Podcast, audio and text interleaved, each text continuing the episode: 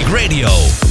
Ja, vorige week kwam het nieuws naar buiten dat in Engeland gepleit wordt voor een grootschalige invoering van een kentekenplicht voor fietsers.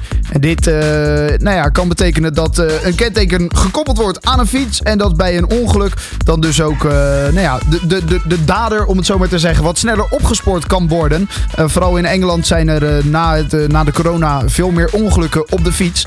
Als we dit in Nederland ook willen gaan doen, zal dat betekenen dat er 23,4 miljoen fietsen een kenteken moeten krijgen. Nou, hoe denkt de Nederlandse Fietsersbond erover? Dat ga ik vragen aan Esther van Garderen, algemeen directeur van de Fietsersbond. Esther, een hele goede middag.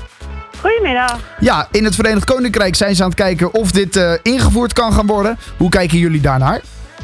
Nou, het is natuurlijk een belachelijk plan en het is een, eh, een non-oplossing voor, eh, voor dit probleem. Ten eerste zijn fietsers over het algemeen minder schuldig aan ongelukken, tenzij het het ongeluk tussen een fietser en een fietser is.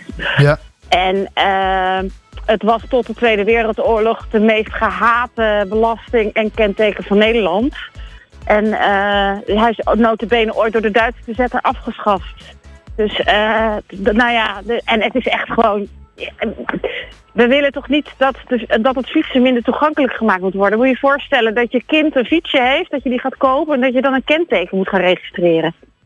Ja.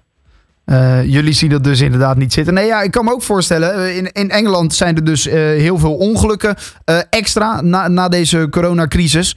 Mhm. het, was, het was rustig op straat. Mensen zijn eraan gewend. Er zijn meer ongevallen. En zij zeggen daarom ja, om de fietser die dus door kan rijden na zo'n ongeluk toch op te kunnen sporen, is zo'n kenteken natuurlijk hartstikke handig. Nee, dat is echt onzin. En bovendien, ehm, als het een ongeval met letsel is, dan, dan, dan is het wel duidelijk wie het slachtoffer is. En ehm, het, het is in verhouding echt marginaal.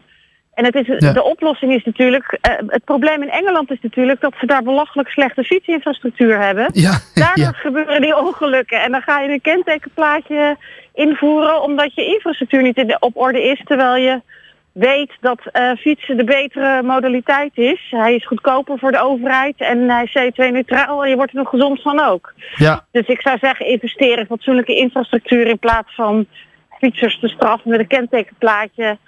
eh, waardoor mensen minder gaan fietsen. En dat is volgens mij het laatste wat je wil. Ja, want daar zijn jullie echt bang voor, hè? Dat dit ervoor gaat zorgen dat de fiets minder aantrekkelijk wordt. Want jij hebt het ook gelijk over een belasting. Eh, heb, je, heb je ook gelijk het idee dat er dan een belasting bij wordt gegeven? Ja, ik denk niet dat de overheid zelf dat gaat financieren. Dus als je zo'n kentekenplaatje eh, krijgt, dan zal zeker ook de kosten voor het aanvragen en de administratieve lasten Ja. daarvoor bij de aanvrager neergelegd worden. En dan is de volgende stap een fietsbelasting, ja. Ja. En die maakt het fietsen natuurlijk minder aantrekkelijk. Eh, AT5, Zeker. ging even, AT5 ging even langs bij, eh, bij de wethouder. eh, Melanie van der Horst uit, uit Amsterdam. En daar vroeg ze ook eventjes naar deze kentekenplicht. Laten we even luisteren. En hoe zou dat dan eigenlijk gehandhaafd worden? Ja, kijk, je wil natuurlijk eh, uiteindelijk een kentekenplicht invoeren eigenlijk voor fietsers. eh, zodat je goed kan handhaven en heel automatisch kan handhaven. Maar dat is natuurlijk best wel een traject. En we zijn in gesprek met de aanbieders van elektrische fietsen.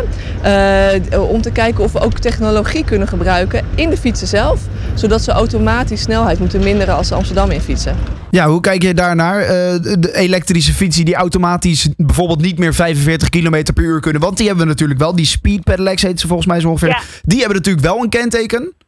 Ja, en die zijn ook een brommer dan, hè? Ja, die hebben ook een helmplicht. Dus die zijn geen fiets meer. Eh, kijk, waar Amsterdam mee worstelt is eh, de opkomst van fatbikes. Dat zijn eh, die fietsen eh, die, eh, waarvan een deel eigenlijk een soort vermomde scooter is. Ja. En daarvan zou je eigenlijk wel willen dat daar beter zicht op komt. Daar zou dit, daar zou dit een oplossing voor zijn. Ja. Maar in Engeland hebben we het over een generieke kentekenplicht. En Melanie van Horst heeft het specifiek over e-bikes. En dan nog is het denk ik niet de oplossing voor een veel groter probleem. Namelijk dat het veel te druk op het fietspad is. Ja, wat natuurlijk wel het geval is, met een e-bike kan je natuurlijk makkelijker de 25, misschien 28 km per uur halen dan ik op mijn stadsfiets. Dan moet ik flink doortrappen en dat hou ik geen vijf minuten vol. Maar daar heb je geen kentekenplaatje voor nodig. Maar dan heb je inderdaad wat zij noemde eh, eh, het, het knijpen in de snelheid. Ja, Wij, wij zijn daar voorstander van voor Daar auto's. Hè? Ja. Dat heet intelli- intelligente snelheidsadaptatie. Ja. Dat kan zelfs al via de lantaarnpalen. Eh, ik kan mij voorstellen dat je dat voor fietsers op 25 ook zet. Dan heb je ook geen handhaving nodig. Dat vind ik helemaal zo gek nog niet. En als je harder wil, dat je dan op de rijbaan gaat. Oké, dus dat zou, dat zou wel een methode kunnen zijn om het ook veiliger te maken voor de voetgangers. Om te zorgen dat zo'n eh, nou ja, fiets met Nou, een... eh, met en een fietsers zonder eh, elektrische aandrijving. En bijvoorbeeld ook jonge kinderen en oudere mensen. ja, ja, ja, inderdaad. Maar Dat- het is nog steeds niet de oplossing. Het gaat natuurlijk om dat de ruimte niet, niet eerlijk verdeeld is. En dat in verhouding ook in Amsterdam de auto veel meer openbare ruimte krijgt dan de fiets. Dus daar ligt het grote probleem, het inrichten Zeker. van, van de wegen. Ja, het is eigenlijk een klassieke politieke strijd om de ruimte, om het zo maar even te Ja, zeggen. ja, ja. Wij eh, op, op Traffic Radio hebben wij een eh, Twitter-poll geplaatst. Om inderdaad ook te vragen aan, aan onze volgers wat zij vinden van een eh, kentekenplicht. Daarvan zegt ook 75% nee hoor, dat vinden wij een slecht plan. Eh, jullie hebben Heel natuurlijk ook eh, best wel wat leden onder jullie. Hebben jullie daar ook al een soort peiling gehouden of eh, was dat niet nodig? Dat heb ik niet nodig, die peiling. Dat, eh, dat is vanzelfsprekend dat iedereen daartegen is.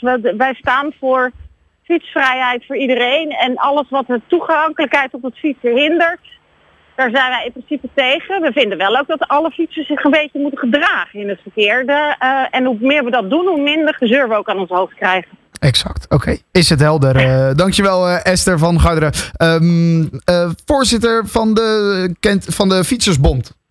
Toch? Dankjewel. Voorzitter, Nee, toch? Ja. directeur. Directeur. Directeur, excuus, directeur van de Maakt Fietsersbond. niks uit. Maakt niks uit. Fijne dag, Ik hè. ben van de Fietsersbond. Joe. Doei. 24 uur per dag de meest actuele verkeersinformatie. De beste car classics voor onderweg en de lekkerste hits van nu. Traffic Radio.